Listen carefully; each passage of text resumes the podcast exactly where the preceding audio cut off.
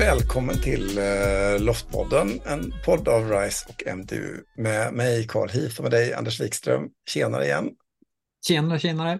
Vi ska fortsätta prata om ledarskapet och dess betydelse för innovationsledning, för förnyelse och transformation. Och vi gör ju detta i kontexten av att vi gör en utbildning i kommunledningspartnerskapet LOFT, leda och organisera för förnyelse och transformation. Och för den som lyssnar in i den här podden och inte känner till sammanhanget kring den så kan man läsa mer på partnerskapetloft.se. Och i det här avsnittet så är vi inne och pratar om ett av de elementen som utgör ett innovationsledningssystem som handlar om ledarskap. Och om vi ska specificera avsnittet ännu mer, Anders, så ska vi prata om detta med att kunna leda och hantera en högre grad av misslyckanden som ju egentligen uppstår alldeles naturligt som en konsekvens av att vi tar risk, vilket är någonting som vi gör i högre grad när vi ägnar oss åt att göra saker som vi aldrig har gjort förut. Det faller ju, liksom, säger sig självt att när jag ger mig ut och gör någonting som jag inte har gjort innan, eh, så är sannolikheten att det inte kommer lyckas eh, bli så som jag har tänkt mig väldigt mycket större. Jag tänker liksom på sinnebilden av liksom barnet som lär sig att cykla eller vad det kan vara. Att liksom man börjar och det går inte så himla bra, men över tid så kommer det gå bättre. Men när man jobbar just med förnyelse i sig självt, ja, då är vi ju där i början av cykelresan varje gång någonstans. Liksom. Mm. Så jag tänker att det är liksom inte en, eh, det är verkligen ingen rak väg heller. Liksom att vi tror att vi ger oss ut på innovationen och sen så drar det iväg åt ett annat håll. Mm. Så, ja, men definitivt. Och jag tycker att du fångar det bra. Jag tycker du fångar det bra där också. Du sa, men, eh, vi kanske inte kommer att lyckas. Eh, och ibland sätter vi likhetstecken mellan att inte lyckas och att misslyckas. Eh, och det, så är det ju inte, tycker jag i alla fall. Eh, utan att ger vi oss ut på den här, den här vägen som är med både gupp och, och den slingrar sig och den delar sig och den är väldigt, väldigt eh, svår tillgänglig emellanåt när det handlar om vägen mot innovation då, så, eh, så kan man väl egentligen falla tillbaka på det som Andrew van der Ven eh, har beskrivit i en av sina böcker, då, en innovationsguru som jag eh, gärna eh, tittar tillbaka till och inspireras av hans arbete. Det är att man inte kan kontrollera innovation, man kan lära sig att manövrera innovation. Eh, och, och med det sagt så, så kanske man inte kan misslyckas med innovation. Det är om man missar att lära sig någonting, då kanske man misslyckas. Men att, att eh, inte lyckas med sin innovation, det är ju nio av tio tillfällen eller initiativ som vi drar igång. Det är ju bara ett av tio på sin höjd som går till en lyckad implementerad innovation som skapar värde. Eh, så de andra nio, de måste vi göra så bra som möjligt så att vi lär oss så mycket som möjligt av dem. Så, med det du beskriver där så tänker jag att eh, till skillnad ifrån när vi jobbar med ett inkrementellt utvecklingsarbete där vi har gjort någonting innan. Mm. Eh, vi har en verksamhet, vi mäter och väger den. Eh, vi mm. mäter av den och ser att ah, här har vi inte den effekt vi vill uppnå. Vi tittar i den verksamheten som vi har och vi ser att här kan vi åstadkomma lite förbättring genom att ändra på någonting eller tillföra någonting eller ta bort någonting. Och så gör man det och så blir det lite bättre. Det gör vi utifrån att vi har en ganska stor kännedom om allt som sker runt omkring. Här går mm. det att mäta och väga och analysera och så vidare på ett, på ett ganska så eh, nogsamt sätt. Och det är ofta det vi liksom jobbar med i vårt systematiska kvalitetsarbete och liknande. Men så när mm. vi då ger oss in på innovation och eh, förnyelse så gör vi ju det utan att vi har den här tidigare praktiken. Vi har, gör den utan att ha liksom kartan ritad framför oss. Och att vi därigenom till sakens natur tar den här större risken då. Eh, mm. Som i sin tur innebär, precis som du är inne på, att ja, men, vi kommer inte ha en framkomlig väg i lika många fall som vi har när vi jobbar med ett systematiskt kvalitetsarbete till exempel. Så här ser vi ju en uppenbar skillnad i ja. liksom, hur innovationen och dess processer skiljer sig från det andra. Mm. Det får mig då in i den här frågan om ledarskapet kopplat till detta. När jag då mm. leder i den här miljön där jag behöver eh, medvetandegöra att den här nya situationen uppstår. För det, jag tror att de flesta offentliga verksamheter, företag också för den delen, har ett ganska gediget processorienterat förhållningssätt till sitt systematiska kvalitetsarbete och det gäller att ta, ta lite risk och, och så vidare. Här helt plötsligt så ska jag som ledare hantera det faktum att vi tar större, större risk och uppmuntra till den här nya eller den här andra tillvaron. Liksom. Mm. Hur, vad, vad, vad, kan man göra eller hur gör organisationer för att kunna vara i den här liksom, ja, lite ambidextriösa eller tvåhänta situationen där man leder med den här större risken i, i det här sammanhanget? Liksom? Ja, en sak som man uppenbarligen gör det är att man faktiskt är transparent och, och pratar om de eh, tillfällena och initiativen där man missar att lyckas. Eh, jag säger inte misslyckas, men man missar att lyckas. Eh, eh, det blir en väldigt, väldigt viktig del. Vissa organisationer de går ju till och med ut och, och firar att man inte lyckades. För att om man inte eh, om man inte inte lyckas så har man inte spänt bågen tillräckligt hårt. Eh, och man måste ju spänna bågen hårt här för att eh, eh vi behöver lära oss eh, att hantera eh, samhället i stort på ett helt annorlunda sätt än vad vi gjort i, eh, tidigare. Så vi behöver verkligen innovera. Så det är väl den ena delen, tror jag, att man är transparent och att man delar på, på lärandet som sker i de missade lyckandena som man faktiskt genom, genomför och genomgår. Och den andra delen handlar väl om eh, som du är inne på, det här med risker. Eh, och jag, och jag, tänker, det finns ju en enorm risk i att inte spänna bågen också. Mm. Eh, vill säga, och den risken, den har man ganska... Eh, man är ganska dålig på att utvärdera den egentligen. Mm. Och, och säga, vad händer, vad händer om vi inte ändrar på oss? Ja, men precis. Och ja. vad får det för konsekvenser? Mm. Eh, så, så det är väl, det är väl också är någonting som man kan... Och, och viktigt bygga. Anders att du liksom är inne på det där, för eh, det här hänger ju ihop med det vi har pratat om tidigare som också handlar om hur omvärlden förändras. Och mm. att eh, när jag ser att omvärlden förändras, om jag inte själv har förmågan att kunna innovera eller förnya mig för att möta min samtids nya utmaningar eller förändrade situation, ja, då, kom, då, upp, då kommer ju misslyckandet komma där lite längre fram. Som en konsekvens mm. av att jag inte har eh, klarat av att hantera den här högre eh, risken som uppstår vare sig jag vill eller inte på grund mm. av att världen är annorlunda. Ja, precis. Och då handlar det tror jag om att, att omformulera initiativen så att de blir eh, kunskapshöjande initiativ initialt. Så att de tidiga faserna i vårt innovationsarbete handlar inte som ledare om att eh, eh försöka hitta hitta implementeringsbara idéer som, som effektiviserar eller som skapar större värde för, för de vi är till för.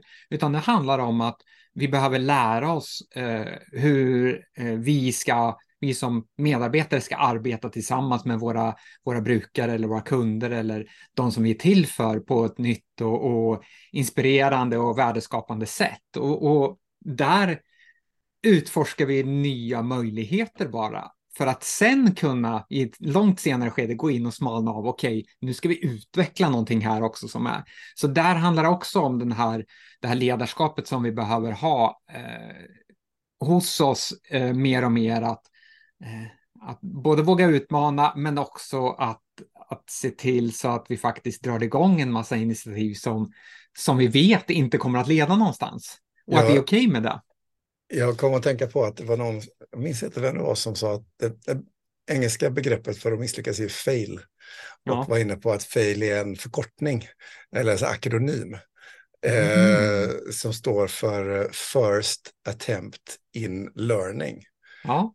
Och att det liksom är en naturlig del av eh, en process. Jag tyckte det var ett ganska fint sätt att... Jag gillar den också jättemycket. Och, eh, liksom, eh, beskriva om vad begreppet eh, i sig handlar om. Men det är också en sak som jag tänker när det kommer till detta med liksom lärandet i, i eh, misslyckandet. Vi har ju väldigt lätt för oss i vår kultur att eh, framhäva det som är våra framgångar. Mm. Men så sopar vi under mattan det som vi liksom inte hade framgång i. Utan vi skriver, beskriver den, liksom den goda situationen någonstans. Och, mm. Och uh, du beskrev ju det här att det finns ju organisationer som uh, skapar liksom ett sammanhang för att diskutera misslyckandet och kanske till och med fira det ibland. Jag, jag känner till det finns, eh, har funnits och finns eh, de som gör så här fuck up nights där man mm. träffas på en krog och tar en öl och någon som har gjort ett alldeles katastrofalt misslyckande berättar om Jag har en kompis som har eh, fuck up-podden tror jag.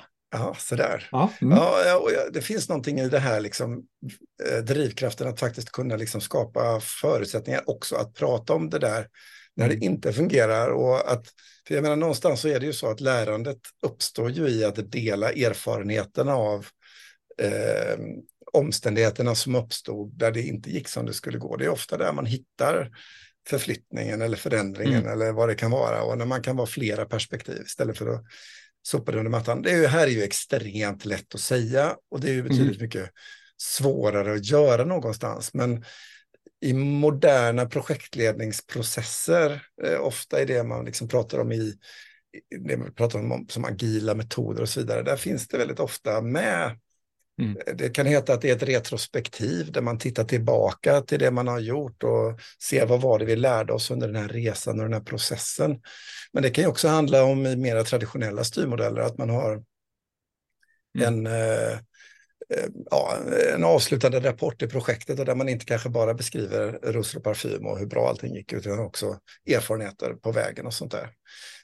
Hur, hur ser du på det där med liksom misslyckandets erfarenhetsgörande på något sätt och vad vi ur ett ledningsperspektiv, hur gör jag som ledare för att liksom åstadkomma den där mm. förflyttningen där inte bara liksom vi hejar på det goda utan vi se till att lära oss av alltihopa på något sätt. Ja, men eh, jag fick... Eh, jag hade förmånen att utveckla en, en liten metodik för just eh, att fånga upp lärdomarna ur, ur stora komplexa produkt eh, och processutvecklingsprojekt i industrin för några år sedan.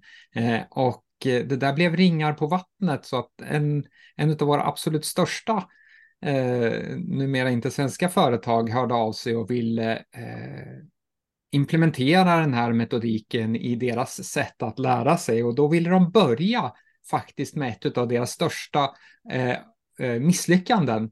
Eh, och utgå ifrån det för att sprida kunskaper kopplat till eh, till varför de inte lyckades med just det här projektet. Och jag tror att de brände ner någonstans runt 50 miljoner i det här projektet, så det var ett ganska stort eh, om man säger misslyckande, eller om man väljer andra perspektiv, ett stort lärande skulle man kunna göra, eh, säga, om man nu lyckades fånga det här. Eh, och, det, och det gjorde man med hjälp av eh, den metodiken som, som vi utvecklade eh, och de tog det ytterligare steg, så de gjorde små korta filmer om lärandet kopplat till, eh, till eh, de insikterna som de faktiskt skapade eh, genom det här retrospektivet som, som vi eh, tillhandahöll och, och eh, gjorde. Och nu tror jag att faktiskt de har implementerat det, så de använder den metodiken generellt i organisationen också, just för att, för att det blev så pass kraftfullt det här med att inte bara skriva den där rapporten, utan vi filmar också in ett antal filmer i det lärandet som, mm. som kommer ut av det och så gör man dem korta och lättillgängliga fyra minuters filmer som alla har möjlighet att titta på och och därigenom sprider man kunskapen mycket, mycket bredare i organisationen än eh, oavsett om man skriver ett blogginlägg eller om man skriver en, en rapport som blir, eh, ligger på intranätet. Så den här publika, inom organisationen publika eh, filmen får ju en helt annan spridning än, än de mm. andra sakerna. En grej som du pratar om eh, handlar ju om det här med att när vi pratar om innovation så brukar du använda begreppet ett innovationsinitiativ ja. istället för ett innovationsprojekt till exempel. Mm. Eh, varför i det här Varför dristas jag med det här? ja, vad är det som, är, vad är det som är, gör ja, detta in... till en käpphäst? Jo, för mig är det väldigt, väldigt tydligt. Och det är inte bara för mig, utan i ISO 56002 så pratar vi väldigt mycket om initiativ för innovation. Eh, och det handlar om att det i projektmetodik är Eh, Eh, generellt sett en riskminimerande aktivitet. Så packar vi in det i ett projekt så gör vi det för att vi vill minimera riskerna med det som vi faktiskt ska, ska jobba med.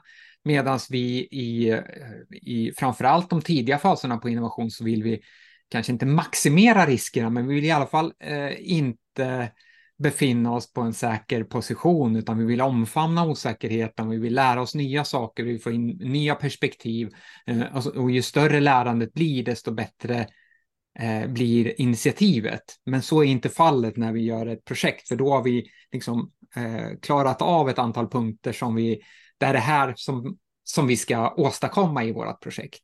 Eh, så det är därför som jag pratar ganska mycket om det här med, med initiativ istället. Och projekten kommer senare i innovationsprocessen. Och vi kan mm. komma tillbaka till det när vi pratar processer i, i podden också, men eh, vi får inte lägga in ett, ett, ett projektfilt över de tidiga faserna på, eh, på innovation. Då kan vi hellre prata initiativ tycker jag.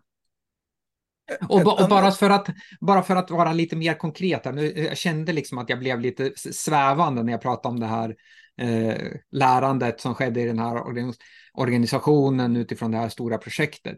Det som är det viktiga där, det är att identifiera vilka frågor behöver vi svara på i vårt retrospektiv.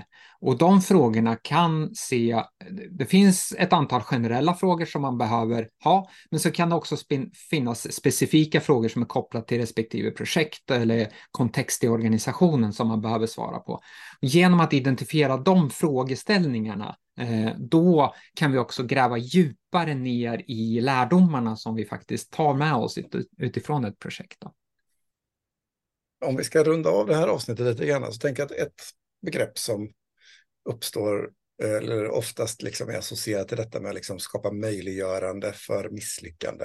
Eller att liksom skapa, eh, göra det möjligt för en arbetsgrupp och ledning för den delen att eh, ta större risk och att eh, dela med sig av ett lärande och att våga dela med sig av ett lärande. Det är ju Amy C. Edmondsons eh, koncept kring eh, psykologisk trygghet.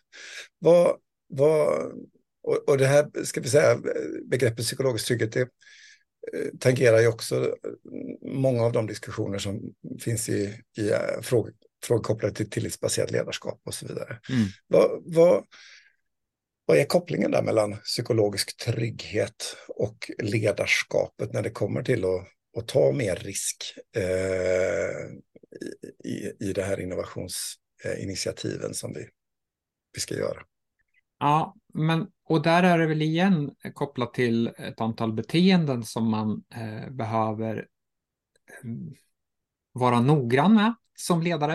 Eh, att man aldrig till exempel klankar ner på någon som kommer med en, med en tanke, en synpunkt, en idé. Eh, eh för man vet aldrig vad en sån tankeidé faktiskt kan leda till när den får blötas med andra tankar och idéer i organisationen. Eh, att man är eh, öppen för ifrågasättanden. Eh, vi har pratat om det här att jag som ledare behöver ifrågasätta våra vedertagna sanningar, men medarbetarna behöver också ifrågasätta om vi faktiskt ska göra de här sakerna eller om det här är på rätt sätt som vi faktiskt gör det här.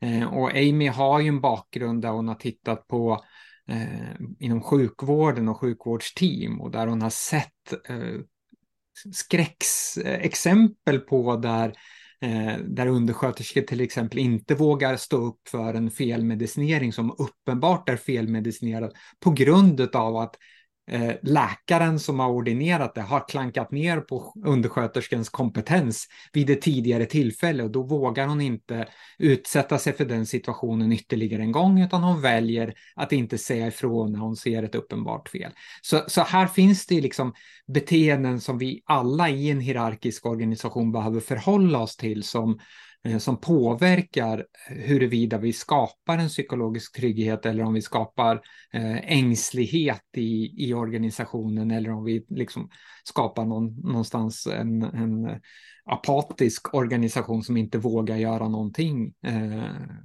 kopplat till, till förnyelse eller eh, innovation eller ifrågasättande eller vara modig eller hur man nu väljer att men där, är ju, där är ju en fråga som uppstår, det är ju liksom hur jag själv i mitt ledarskap synliggör detta. Om jag ska i mitt ledarskap utvecklas för att eh, eh, identifiera liksom mina egna tillkortakommanden till exempel på liksom när och hur jag är på ett sätt. Det är ju väldigt ofta så att många av de här sakerna vi pratar om nu av saker vi behöver tänka på. Det är saker som kan vara osynliga för en själv också. Mm. Att jag mm. Alldeles omedvetet har ett beteende som jag uh, utsätter min medarbetargrupp för utan att kanske tänka på det. Mm. Uh, det kan ju handla om liksom hur stereotyper och det, ja, diskrimineringsgrunder, alla möjliga olika typer av saker som finns där uh, och som på olika sätt påverkar hur gruppen mår och är och sånt. Och, det blir svårt för oss att hinna gå in på alla de aspekterna i, i det här avsnittet som vi alldeles strax ska runda av. Men, men någonstans att i ens ledarskap när det kommer till förnyelse och innovation och att kunna skapa den här trygga miljön som gör det möjligt att ta risk så liksom handlar det ganska mycket också om att ta upp den där spegeln någonstans och betrakta mm. sig själv och att skapa mm, förutsättningar så att jag faktiskt får tid och yta och möjlighet att eh, utvecklas själv att se de där sidorna av mig som kanske faktiskt är det som är hindren för att andra ska kunna göra det som de behöver kunna göra. Eh, mm. så, så att eh, jag kan uppleva att det här förutsätter nästan ett visst mått av introspektion och ett självledarskap hos mig själv i mitt ledarskap för att kunna skapa den här trygga omständigheterna som vi, vi, vi, vill, vi behöver ha för innovationen. Ja, men det tror jag definitivt och också den här empatiska förmågan som vi eh, behöver ha som ledare också, att, att verkligen omfamna våra medarbetare på ett tydligt och, och sympatiskt sätt. Eh, så, att, så att de känner att de är värdefulla i allt sitt arbete, inte bara sina leveranser utan också i, sina, i sitt ifrågasättande och i sitt kritiska tänkande kopplat till det som man faktiskt gör i sin organisation. Ja, också då att liksom en del av den här psykologiska, psykologiska tryggheten uppstår i att vetskapen om att ja, jag har en chef som kommer finnas med mig där när, mm. när det inte går som vi hade planerat eller det drar iväg i en annan riktning och som jag kan ha det där samtalet med utan risken att jag råkar ut för repressalier eller kritik på ett sätt som är eh... Ja, och den här går ju hela vägen upp också till den politiska eh, styrningen i våra politiskt styrda organisationer. Så att,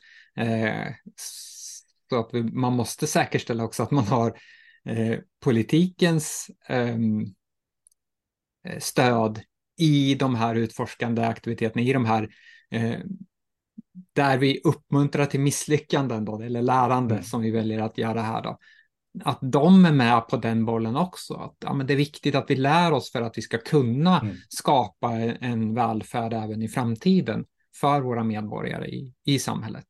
Det var bra att du nämnde det där med den politiska dimensionen, för där finns det ofta en, ett ganska starkt tryck på en politik att eh, stå till svars i medier eller på andra sätt. Någonting går åt pipsvängen, man har lagt massa pengar på någonting, det finns inget resultat. Det är ett väldigt tacksamt mål att mm. eh, ifrågasätta och att då mm. eh, om det är så att det här omständigheterna är innanför ramen av ett, en planerad risk, att då ha också haft en diskussion och ett resonemang om liksom, varför går det som det gör, vad är konsekvenserna av det och hur bär vi organisationens utveckling tillsammans, både när det inte fungerar och när det fungerar.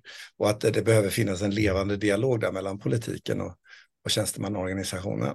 Mm. Mm.